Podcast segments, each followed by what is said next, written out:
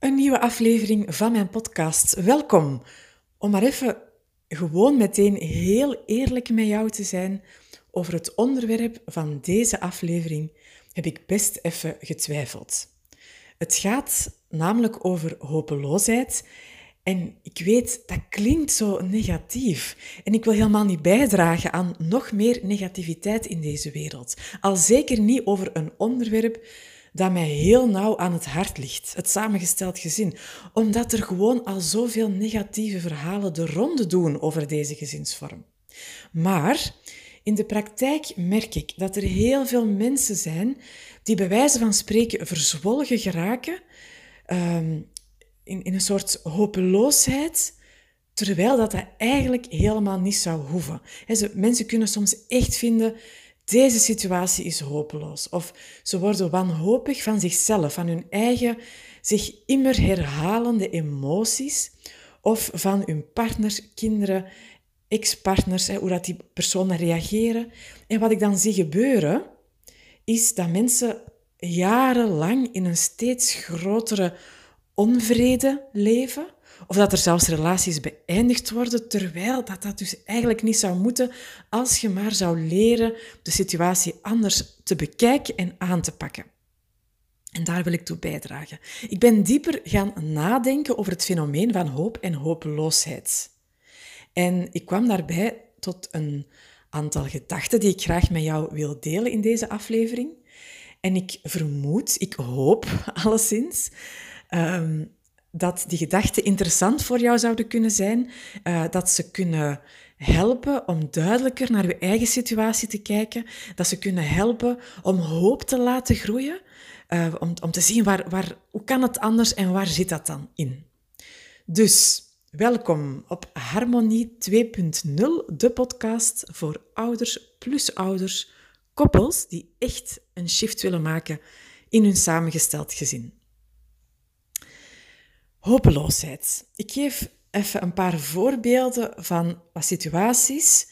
Um, situaties die misschien op eerste zicht nog niet zo catastrofaal zijn, maar als ze maar blijven aanslepen, kunnen die situaties maken dat je op den duur niet meer zitten. Bijvoorbeeld een man uh, die me beschrijft hoe dat zijn vrouw en dat gaat dan hier de plusmama zijn, de stiefmama, hoe dat je haar ook wil noemen. Dus hij beschrijft hoe dat zijn vrouw getriggerd kan geraken op den duur alleen nog maar als zij de naam van zijn dochter hoort. En hij beschrijft mij hoe dat zijn vrouw zich steeds meer en vaker en langer terugtrekt op hun slaapkamer als zijn kind er is. En hoe dat hij dus week na week bij wijze van spreken verscheurd rondloopt, niet wetend wat hij moet doen om dat te veranderen of waar dat hij moet zijn. Letterlijk. En moet ik in de woonkamer gaan bij mijn kind? Moet ik naar de slaapkamer gaan bij mijn vrouw? Of moet ik mij gewoon aan mijn bureau zetten om wat te werken? Op een bepaald moment vertelt deze man, ik beslis uh, dat ik mijn partner maar even laat. Ik zet mezelf een tasje koffie. Ik ga uh, zitten in de zetel. En ja, wat er dan achteraf gebeurt, zegt hij, is dat ik dan stevast het verwijt krijg dat ik mijn partner zo alleen heb laten zitten daarboven, dat ik niet met haar meevoel, uh, dat ik daarmee foute signalen zou uitstralen aan, het, aan mijn kind. Hè? Dat soort dingen. En ik wil nu even hetzelfde voorbeeld nemen, uh, maar nu vanuit het perspectief van de stiefmoeder, de vrouw wat er bij haar is. En zij zit daar dus boven op die slaapkamer. En misschien is het wel zo dat zij zich diep van binnen schaamt. Hè?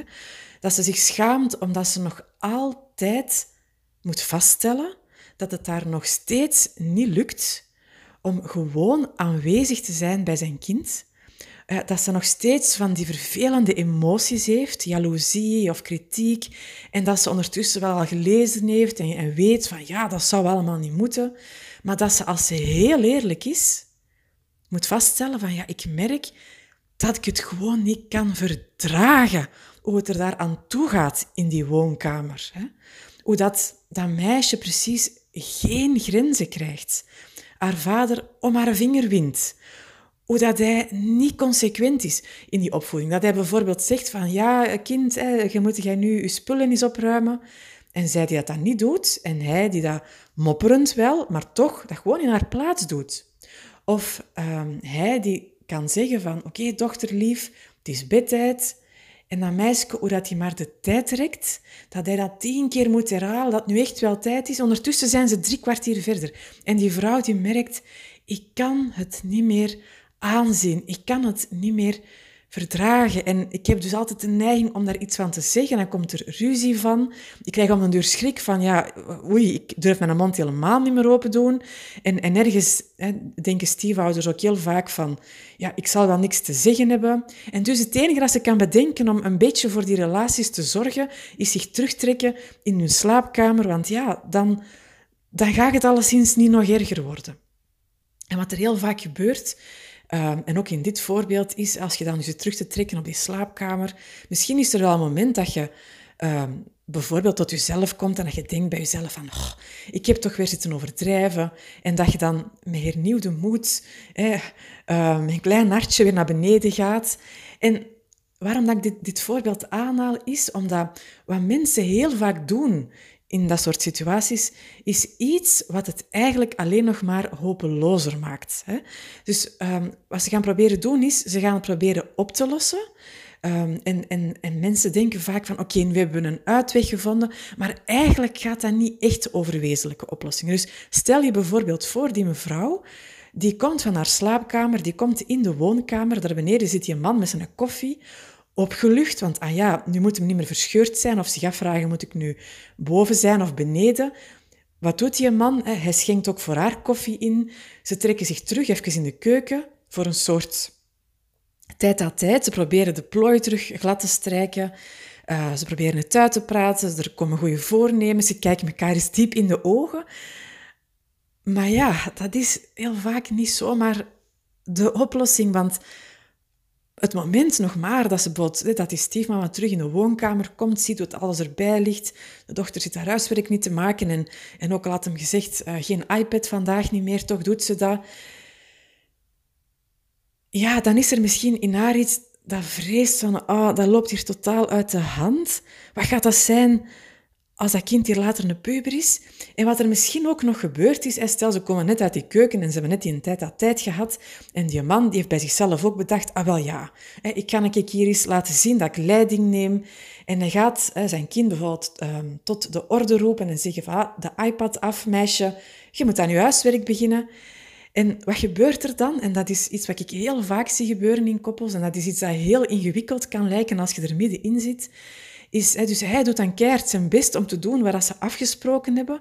Maar zij, de stiefmama, in dit voorbeeld, die merkt van, ja, maar ja, dat is het nu toch ook niet, want nu doet die man dat van mij omdat ik hem dat gevraagd heb. Ik weet eigenlijk niet of ik er echt op kan vertrouwen dat hij dat zelf inziet. En bovendien, ja, dat meisje van hem, ja, die is ook niet achterlijk. Hè. Die beseft ook wel dat die regels nu ineens wel van, van mij moeten komen. Dat, dat zij hier dus eigenlijk als een soort van boeman, boevrouw uh, wordt neergezet. En dus, ze hebben hier net een tijd al tijd gehad, bij wijze van spreken, en is ze dus eigenlijk toch niet helemaal tevreden. En hoe is dat dan voor hem? Als ik mij terug verplaats um, in zijn schoenen, wat ziet hij? Vanuit zijn beleving is het, nu doe ik wat dat je me gevraagd hebt, lieve partner, en nu is het weer niet goed. Het lijkt voor zo'n man, en dat kan het ook een vrouw zijn, het gaat hier niet over gender, het gaat hier niet over dat mannen dat altijd zo en vrouwen altijd zo, het gaat hier eigenlijk meer over ouder, stiefouder. Maar het lijkt voor hem alsof dat zij eigenlijk diep van binnen precies geen oplossing wil. En wat mensen mij dan soms omschrijven in dat soort voorbeelden is, ja, dan kan ik me niet meer inhouden. En dan, wat er dan de facto gebeurt, is dat ook hij zijn hart eigenlijk afsluit. Dus, hè, dus dat soort voorbeelden en dat soort halfslachtige oplossingen, die leiden ertoe dat hopeloosheid alleen maar toeneemt. Misschien herkent je dit soort voorbeelden, misschien ook helemaal niet. Of denk je bij jezelf, ah, als ik dat hoor, um, dan uh, kan ik alleen maar vaststellen, bij ons valt het allemaal nog wel mee. Dat is dan fijn voor jullie, maar vergis u niet. Hè. Als dit soort dingen maar lang genoeg duren, in het groot of in het klein, al is dat maar een klein facet daarvan, dan is het mijn ervaring dat op den duur, als je dat niet goed uitwerkt, dat je op den duur, uh, bij wijze van spreken, ja, over heel veel nog meer dingen conflict krijgt. Of misschien zijn jullie geen ruziemakers, maar is er eerder zoiets van een soort ijzige stilte? Of zijn er steeds meer onderwerpen die je onder de mat moet schuiven, waar je het niet over kunt hebben? En ja, dan voelt je op den duur niet meer thuis bij elkaar. Zelfs niet bij een partner met wie dat je eerst zo'n fantastische klik had. Als mensen bij mij op, uh, op intakegesprek komen, dan vraag ik altijd naar dit soort gedetailleerde voorbeelden van situaties. En wat ik dan heel vaak zie gebeuren, is dat ze zo pakt, we zitten zo op drie kwart van, van zo'n intakegesprek, dat ze dan mijn gezicht beginnen scannen en proberen mijn gedachten te peilen van oh, wat zou die Cindy nu wel niet denken over ons? Misschien kan ze wel niet meer volgen, omdat de situatie te complex is. Uh, even tussen haakjes, ik kan best wel veel aan, dus voor mij is het vaak niet te complex. Maar heel vaak ook, naast de schrik voor dat, dat het te complex is, vrezen mensen ook dat ik hen ga zeggen, ja, dit, dat is hopeloos hoor, meneer of mevrouw. Onlangs stelde iemand mij letterlijk die vraag: Cindy, denkt jij, is deze situatie hopeloos? En, en ik wil jou graag meegeven wat ik dan geantwoord had. En ik zei um, aan die persoon van, kijk, dat hangt er maar vanaf. Sowieso is iets hopeloos als jij besluit dat het hopeloos is. Echt, realiseer u dat. Als jij alleen nog maar kunt zuchten op de deur van deze situatie is hopeloos, um, oh, waarom heb ik nog altijd diezelfde emoties na al die jaren therapie? Of uh, hoe reageren mijn huisgenoten? Als je, als je dus enkel laat leiden door die hopeloosheid, ja, constructief is dat natuurlijk niet. Voor verandering is het om te beginnen nodig dat je kunt geloven dat je echt perspectief ziet dat het, dat het anders kan. Ook al weet je nog niet hoe. Dat geloof, dat is alvast het halve werk.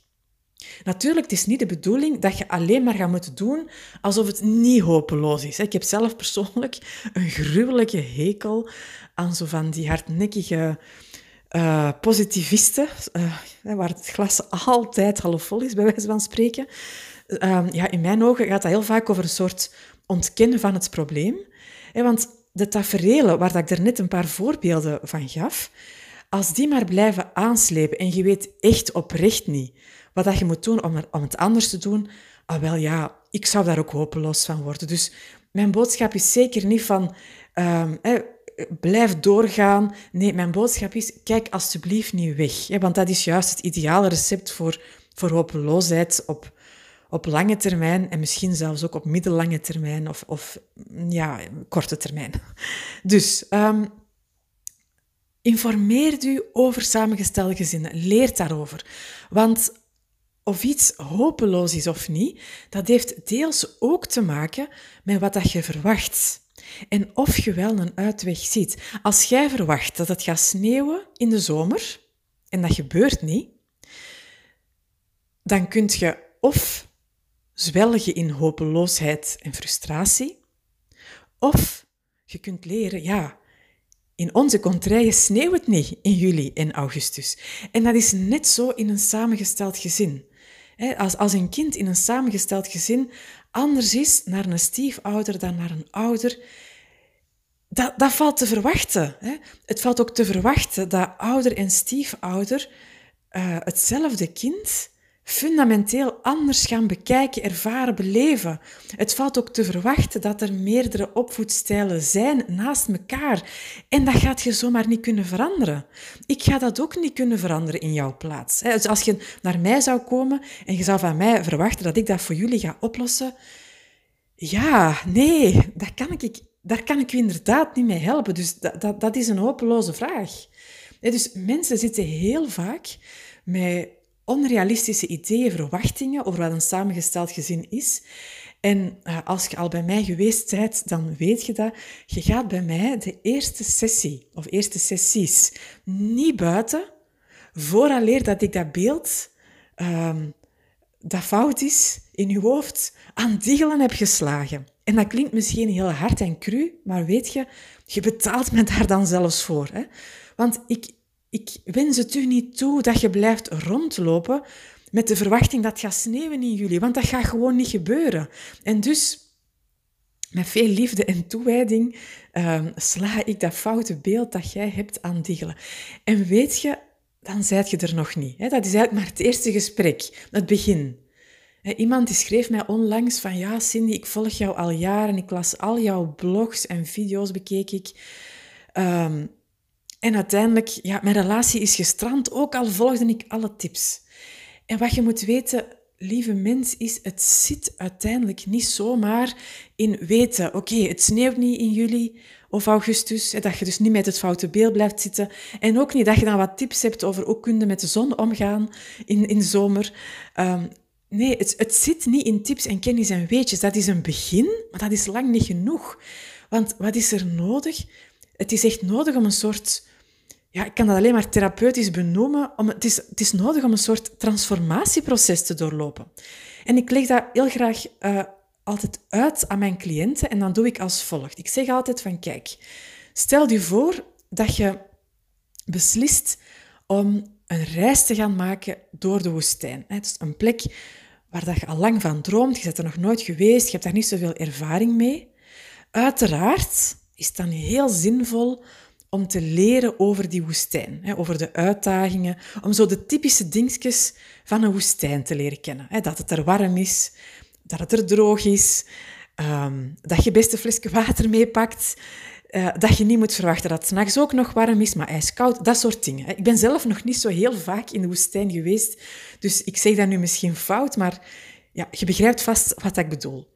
Ehm, wat ik eigenlijk wil zeggen met dit beeld is, de woestijn die heeft per definitie een aantal uitdagingen voor jou in petto, ongeacht wie dat jij bent. Of dat je dat nu leuk vindt of niet. En je kunt maar beter, wilt je een aangename periode uh, in die woestijn hebben, je kunt maar beter die woestijn uh, leren kennen, je ernaar te kleden um, en zo verder.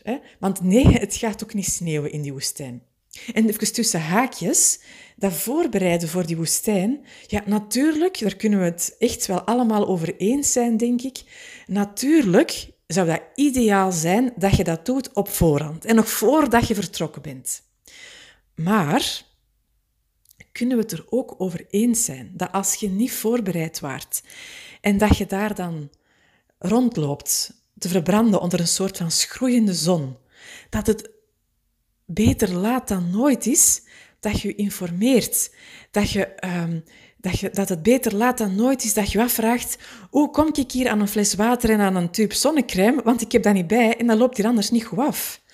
Of misschien kun je afvragen, oké, ik heb geen hoofddeksel bij, van wie kan ik er hier een lenen? Ja, dus voorbereiden is het beste, um, maar je uiteindelijk vroeg of laat informeren is dus echt nodig. Maar los van dat je je tot in het oneindige kunt voorbereiden en inlezen en dat je alle tips van de wereld toepast, het is ook zo dat de woestijn uh, een heel ander soort landschap is dan jouw vertrouwde habitat op dit moment. Tenminste, daar ga ik van uit. Hè, want als je in de woestijn zou naar deze podcast luisteren, heb je waarschijnlijk geen wifi. Um, en dat, dus het is, een ander, het is een ander soort habitat. En onder die uitdagende omstandigheden, waar dat je je naar kunt kunnen kleden en zo verder, maar waar dat je niet gaat kunnen vermijden, onvermijdelijk, komt je in zo'n woestijn ook keihard jezelf tegen. Je verlatingsangst, je controlemechanisme, je wordt geconfronteerd met jezelf, al je verslavingen, al je afleidingen die vallen weg. De woestijn confronteert u met uzelf. Je zou kunnen zeggen, de woestijn houdt u een soort van spiegel voor. En zo is het ook in het samengesteld gezin.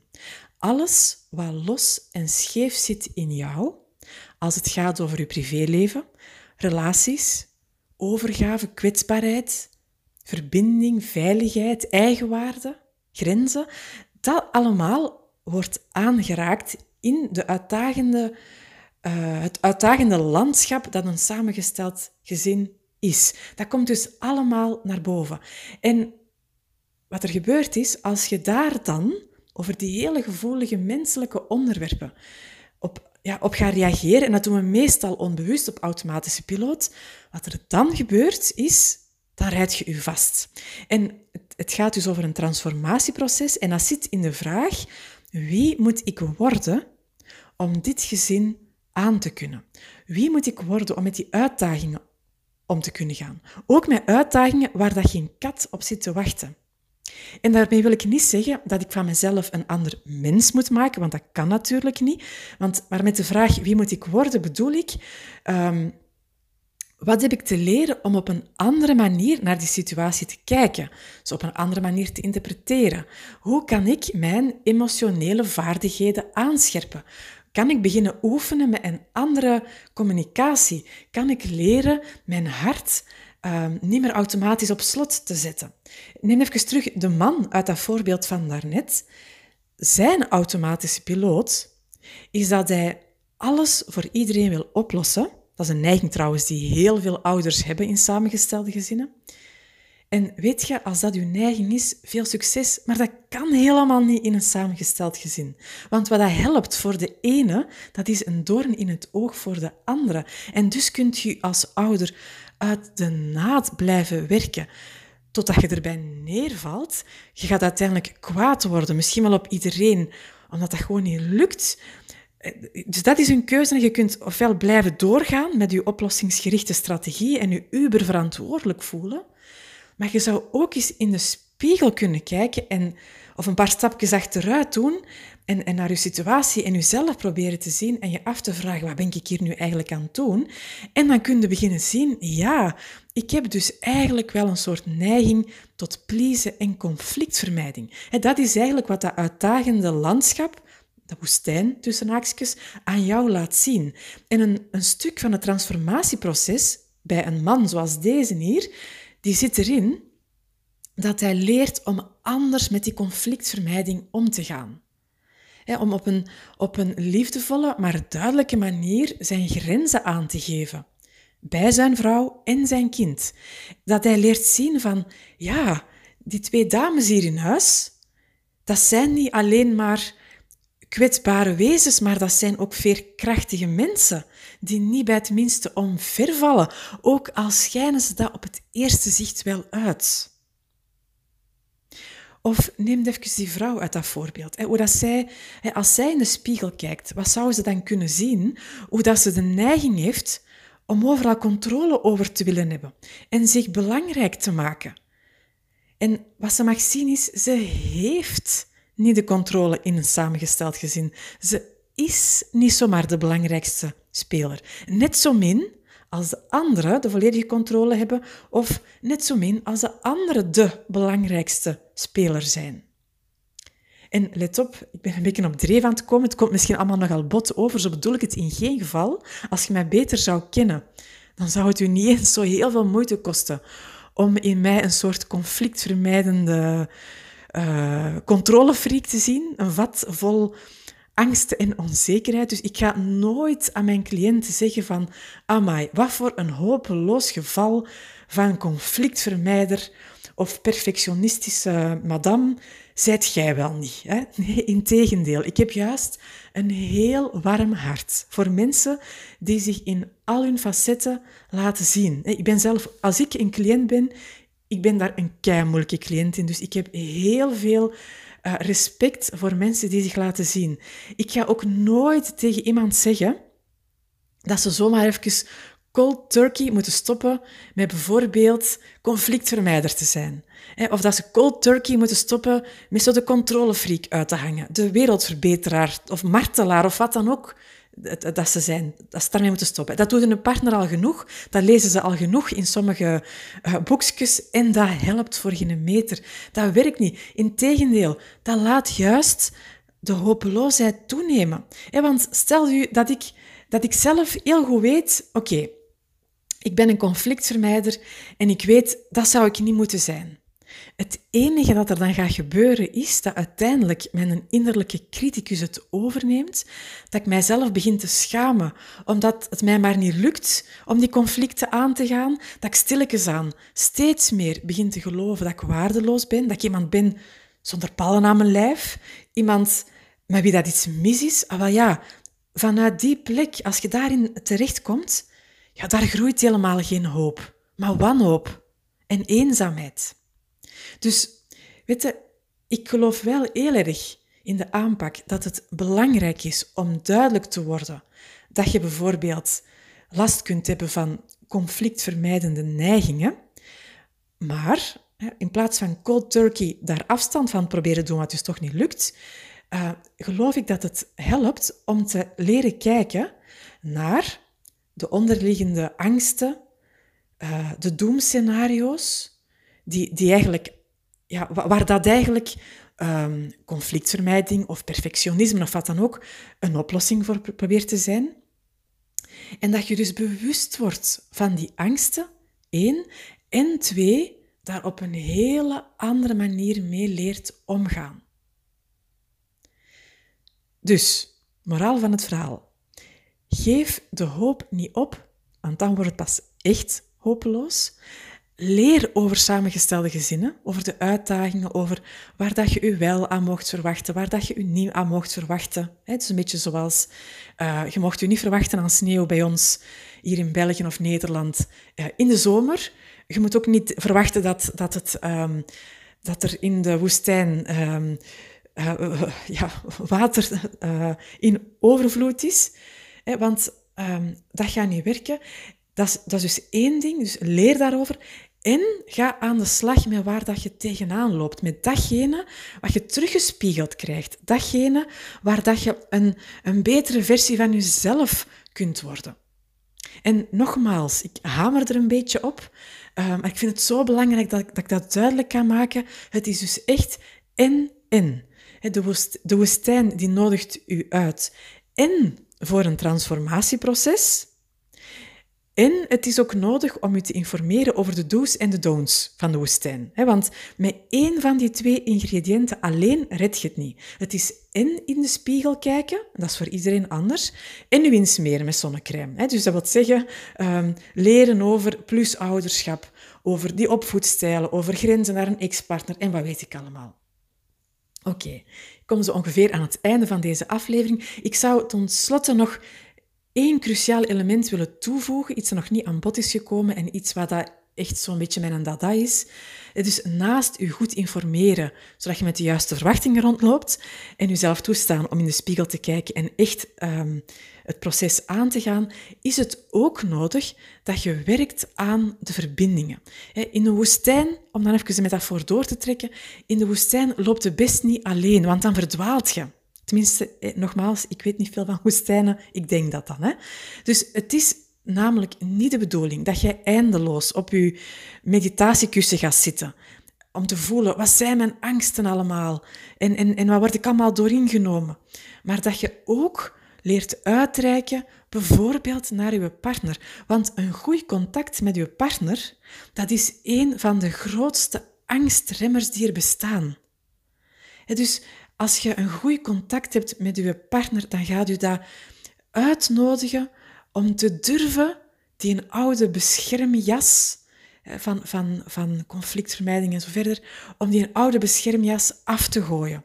Om te durven vertrouwen dat het ook goed komt als jij het niet oplost of als jij niet de controle hebt of wat dan ook.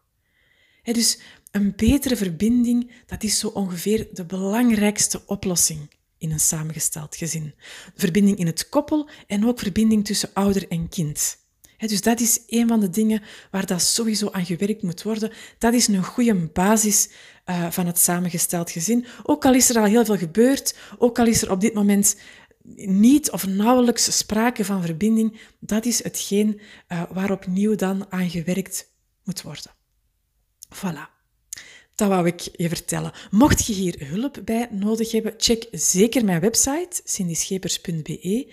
Ik heb me de afgelopen jaren echt gespecialiseerd in alle stappen die nodig zijn um, ja, om tot een ontspannen samengesteld gezin te komen. Dus in alle aspecten, alle facetten die relevant zijn, uh, dat transformatieproces, die verbindingen, de juiste informatie en zo verder, de juiste, de good practices, de do's en de don'ts. Dus weet je van harte welkom. Ik wens je verder een hele fijne dag.